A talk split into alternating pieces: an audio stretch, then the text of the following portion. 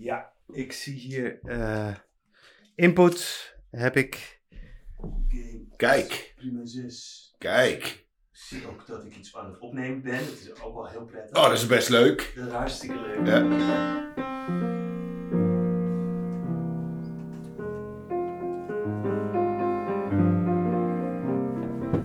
Oh ja, hier is mijn stok.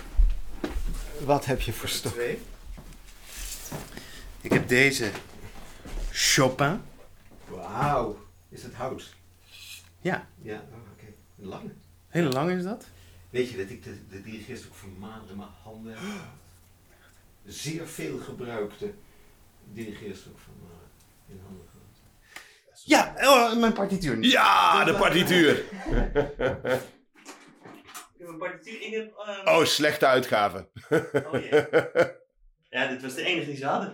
Ja, ja. Eh, ik heb ook allemaal pot... Ik neem ook wel meteen een potlood mee, hè. Ja, dat is een goed, goed plan. De kleurpotlood heb ik zelfs bij me. Potlood en een gum.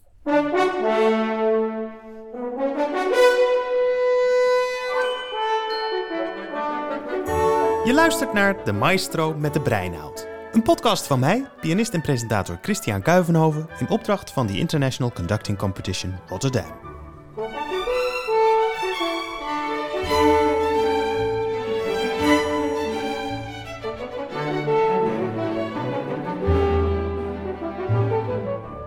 Het grootste moment.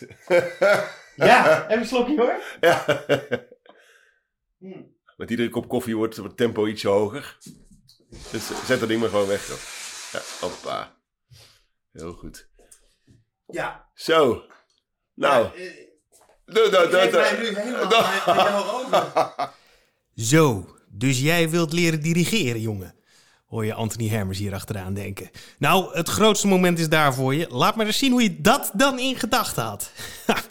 ja, nog geen twee weken geleden heb ik hem en Ed Spanjaard mijn dirigeerplannen voorgelegd. En ze gevraagd of ze mij les willen geven. Dat willen ze en nu sta ik daadwerkelijk op het punt om mijn allereerste noten te gaan dirigeren. In Anthony's appartement in Amsterdam schuiven we de eetkamerstoelen opzij, pluggen we de elektrische piano in het stopcontact en leg ik de partituur op de lessenaar neer. De partituur van Mahlers vijfde symfonie, het stuk waar ik als jochie al van droomde en in deze podcast wil gaan proberen te leren dirigeren.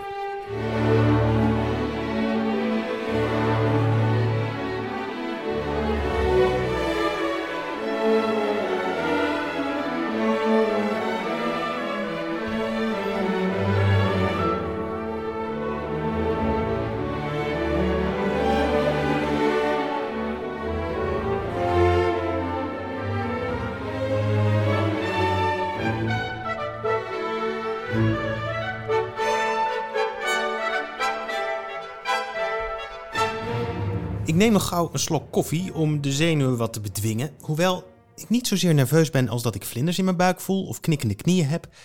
Maar ik voel me vooral totaal onzeker. Onzeker op een manier die ik eigenlijk ook niet goed ken. Ik had namelijk verwacht dat Ed en Anthony mij eerst een aantal basisoefeningen zouden geven. Of dat ik een boek moest kopen of zo over slagtechniek, hoe je de maat slaat. En nou ja, gewoon hoe ik überhaupt de technische basisvaardigheden van een dirigent onder de knie krijg. Het lijkt me namelijk nogal essentieel dat je eerst moet weten wat je motorisch moet doen. En dat zal ook echt wel blijken, maar de passie voor deze muziek zelf, de schoonheid ervan en het genie van Gustav Mahler, ja, daar moeten we het toch eerst even over hebben hoor. Het is zo'n gaaf stuk. Het is echt. ehm, ik, iedere keer weer als je ermee bezig bent, denk je van Jezus, Mina. Dus ehm, ik vind het ook zo gaaf. Ik bedoel, de eerste twee delen van, het, van, gewoon van de symfonie zijn echt gewoon ongelooflijk eh, despair. Echt gewoon wanhoop. Echt, echt. eh, en, en zoals het ook eigenlijk hoort, zeg maar. eh, eigenlijk eerst moet een tragedie gebeuren voordat je dan eigenlijk op het eind, namelijk het vijfde deel, eigenlijk de grote victorie eigenlijk kan voelen. Nou, laat dat maar aan Mahler over hoor, zo'n tragedie. Niet alleen muzikaal was hij er een meester in, ook zijn eigen leven was één grote tragedie. Hij werd geboren in een piepklein dorpje in Tsjechië in 1860. De één na oudste in een gezin met in totaal twaalf kinderen, waarvan er slechts zes overleefden. Mahler groeide op in Jihlava, wat je in het Duits Iglau noemt, en dat ligt zo'n uurtje onder Praag. Een stadje met een rijk muziekleven En de muziek die hij daar in zijn jeugd hoorde, zou dan ook van grote invloed op hem zijn in de immense orkestwerken die hij later zou schrijven.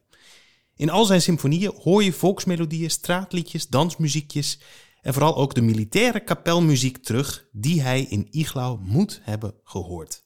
Vrolijke deuntjes, zoals onze derde professor in deze serie, Leonard Bernstein, liet horen aan de hand van Mahlers vierde symfonie in een van zijn Young People's Concerts over Mahler in 1960.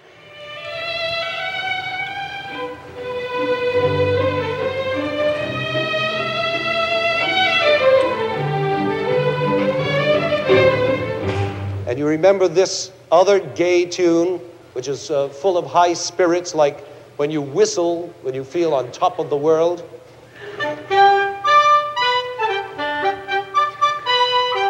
Well, you might not believe it, but the man who wrote all that jolly stuff was one of the most unhappy people in history. And the reason he was so miserable was exactly because of that battle that was always going on inside him. Dat Mahler een meester van de tragedie was, dat had ik met Anthony al vastgesteld. Maar Leonard Bernstein gaat hier een paar stappen verder. Hij zegt: Gustav Mahler was de meest ongelukkige man uit de hele geschiedenis. Een man bovendien met continue innerlijke tweestrijden. De strijd bijvoorbeeld tussen zijn beroep als dirigent, hij was een van de allergrootste dirigenten van zijn tijd, en zijn vak als componist. Twee disciplines die druk op elkaar uitoefenen, omdat soms wordt gedacht dat je als dirigent zoveel muziek in je hoofd moet hebben van anderen, dat er onmogelijk nog ruimte over is om zelf originele muziek te kunnen schrijven. Het was dan ook een lange weg voordat Mahler succes kreeg met zijn eigen muziek. Maar wanneer hij dan succes krijgt, blijkt dat hij het keerpunt zal zijn tussen de romantiek, de muziek uit de 19e eeuw, en de moderne muziek, de nieuwe klanken die de 20e eeuw zou voortbrengen.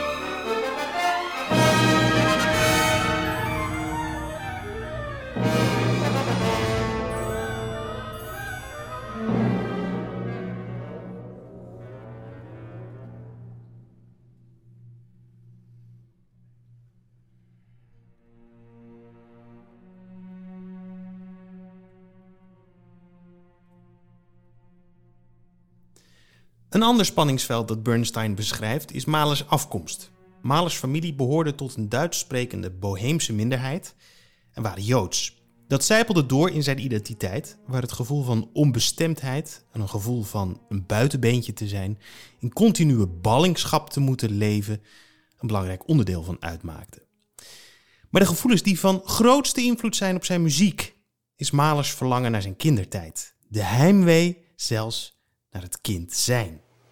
So that's the main secret about him. He was struggling all his life to recapture those pure, unmixed, overflowing emotions of childhood.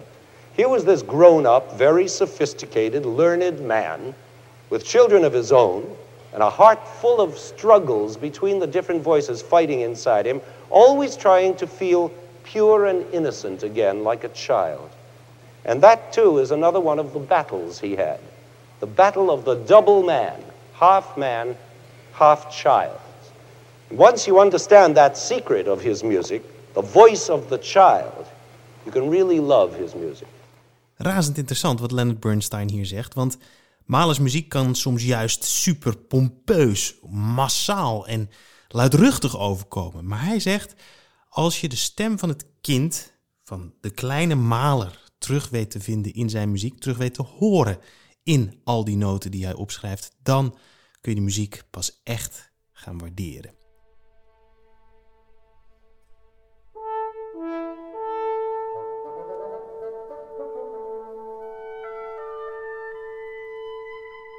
Als Malen namelijk blij is, is hij extreem blij. Als hij verdrietig is, is hij onvoorstelbaar, hartverscheurend verdrietig.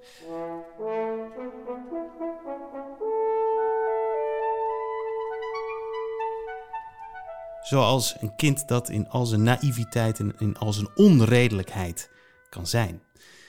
En misschien is dat wel de reden waarom ik zelf als kind deze muziek zo mooi vond. Kinderen begrijpen Malers muziek soms beter dan volwassenen, zegt Bernstein hier, tegen een zaal met kinderen. Maar misschien heeft hij gelijk en gold dat ook voor mij toen ik als jochie stond te dirigeren op mijn kamer met mijn breinaald. Maar goed, het kan ook de nostalgie zijn die spreekt hoor nu. En misschien loop ik het te veel te psychologiseren. Want deze vijfde symfonie is natuurlijk uiteindelijk helemaal geen kindermuziek. Laten we wel wezen. Zeker dat eerste deel niet.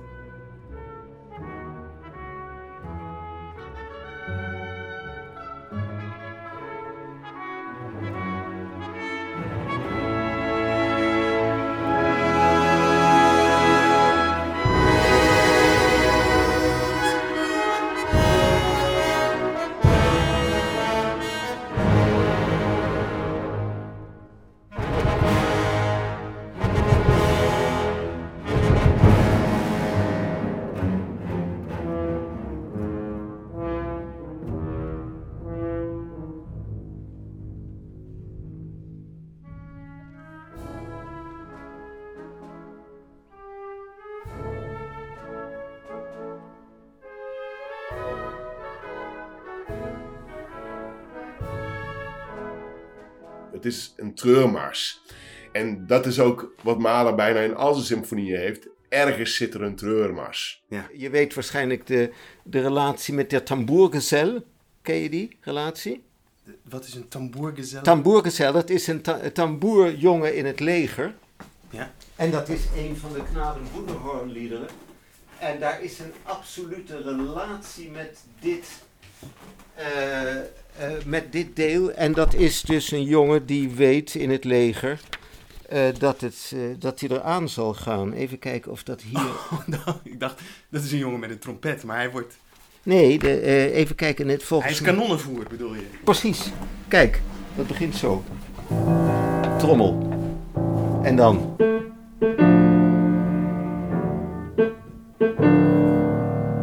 Ich Tamboersksel. En dan zegt hij, man führt mich aus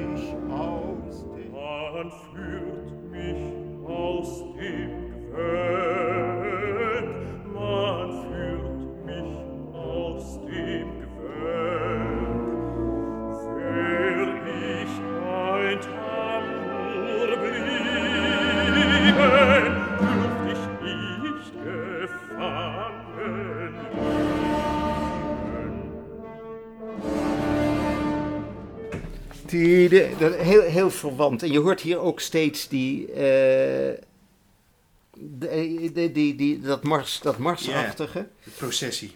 de processie. Het heeft ook iets heel... eh, het heeft iets militairs. Het heeft iets militairs. Het is, een, het is een strakke opening en je voelt vanuit de verte iets aankomen hier. Je voelt vanuit de verte iets Wat aankomen. onvermijdelijk is. Dat klopt. Want ehm daar staat dan zo mooi eronder geschreven in de partituur. Die Auftakttriolen dieses Themas müssen stets etwas flüchtig, quasi accelerando, nach Art der Militärfanfaren vorgetragen werden. Gustav Mahler. Heb jij dat ook staan in je partituur? Nee, Oeh. nee. Bij mij staat erboven wel, dat zal bij jou ook zijn, in gemessenem Schritt, Ja. streng wie ein Conduct. Ja, en wat is een conduct? Ja, er staat een hele woordenlijst gelukkig voor in mijn partituur. Eh, staat dat er ook bij? Eh, want mijn Duits is eigenlijk helemaal niet goed. Dat helpt niet hè, bij dit soort eh, componisten. Nou ja, als dirigent moet je voorbereid zijn op de, op de snuggere vraag uit het orkest.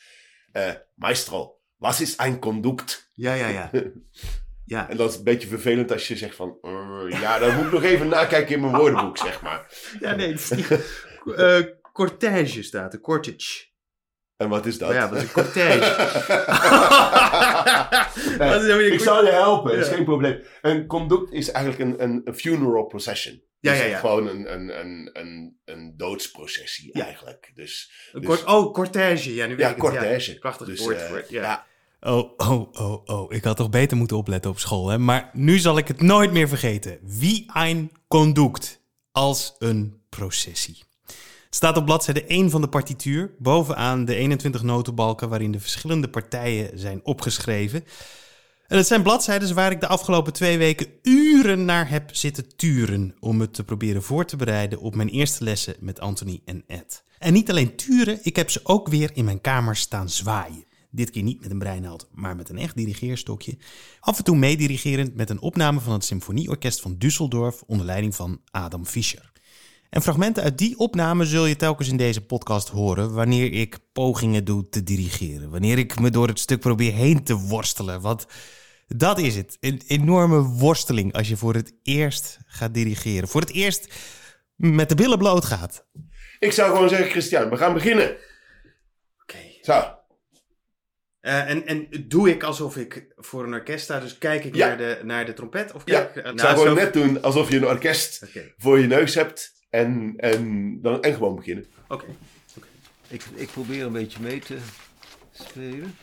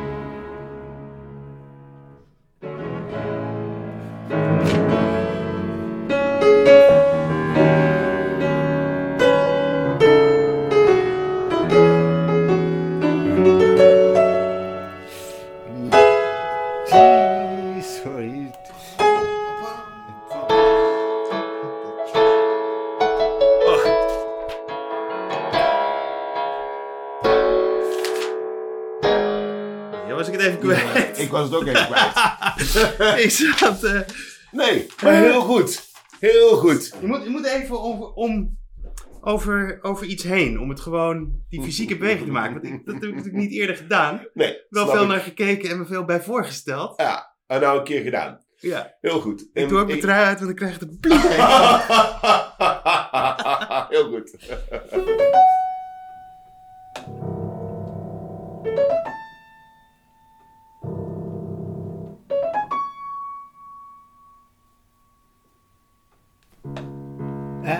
Twee maten. Oh ja, twee maten. Oh.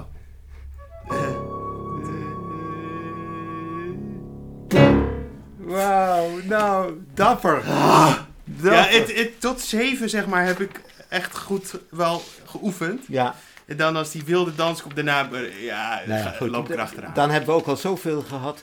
Tot zeven heb ik goed geoefend, zeg ik tegen Ed Spanjaard. Daarmee bedoel ik, het begin van het stuk heb ik goed in mijn hoofd.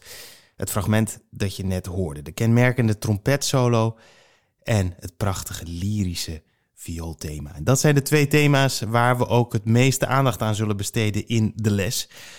Maar het is gebeurd, hè? Ik heb mijn eerste noten gedirigeerd. En het is zo'n fantastische ervaring. Het is ongelooflijk dat als je met je armen staat te zwaaien, dat een ander dan reageert. Want jij zelf maakt geen geluid, maar hebt alle invloed op hoe de ander speelt. Ga jij iets sneller? Gaat hij iets sneller? Ga je iets langzamer?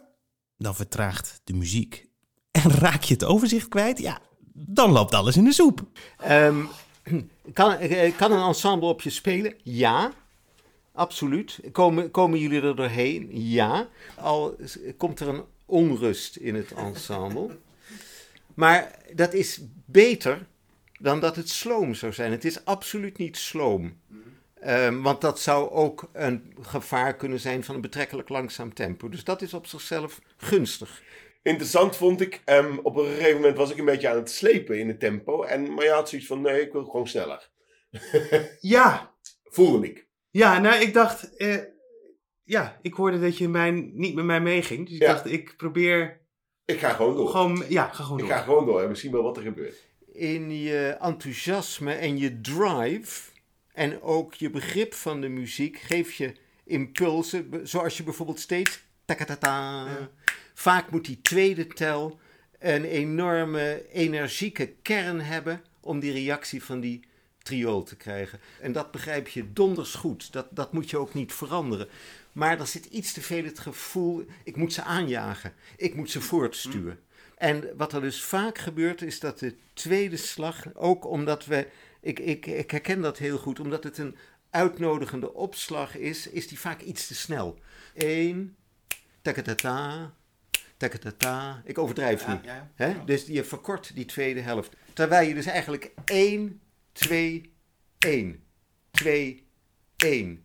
Er moet bij wijze van spreken een extra, bijna een extra rust. Zelfs de trombones. Jam, papam, pipoem, papam, papam. Dat mag een klein beetje overgepuncteerd worden. En dat maakt die wat sinistere, trieste sfeer alleen maar duidelijker.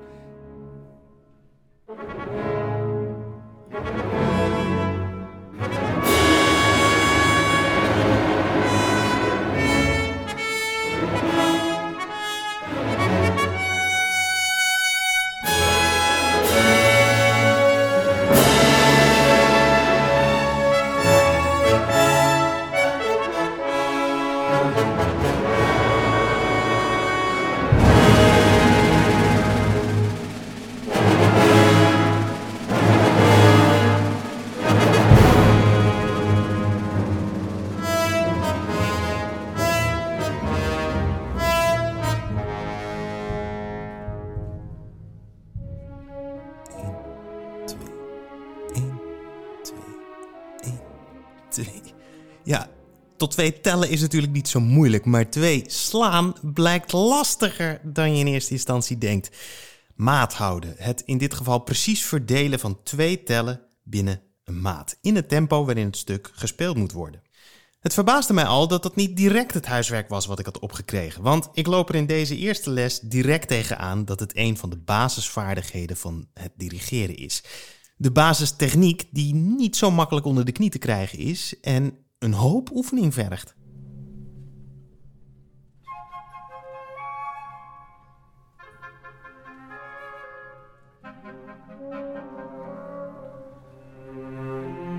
Zoals je zult horen in de volgende aflevering van de Maestro met de Breinaald.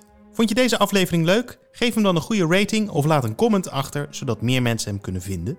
En hou ook de website van de International Conducting Competition Rotterdam in de gaten, in opdracht van wie ik deze podcast maak, om op de hoogte te blijven van alle info en data rondom het concours. www.iccr.nl Vond je de muziek mooi? Kijk dan even in de show notes, want daar plaats ik alle links naar de opnames. En probeer voordat je aflevering 3 gaat luisteren het zelf maar eens uit. Om heel regelmatig, 12 minuten lang, twee tellen te slaan. Succes ermee!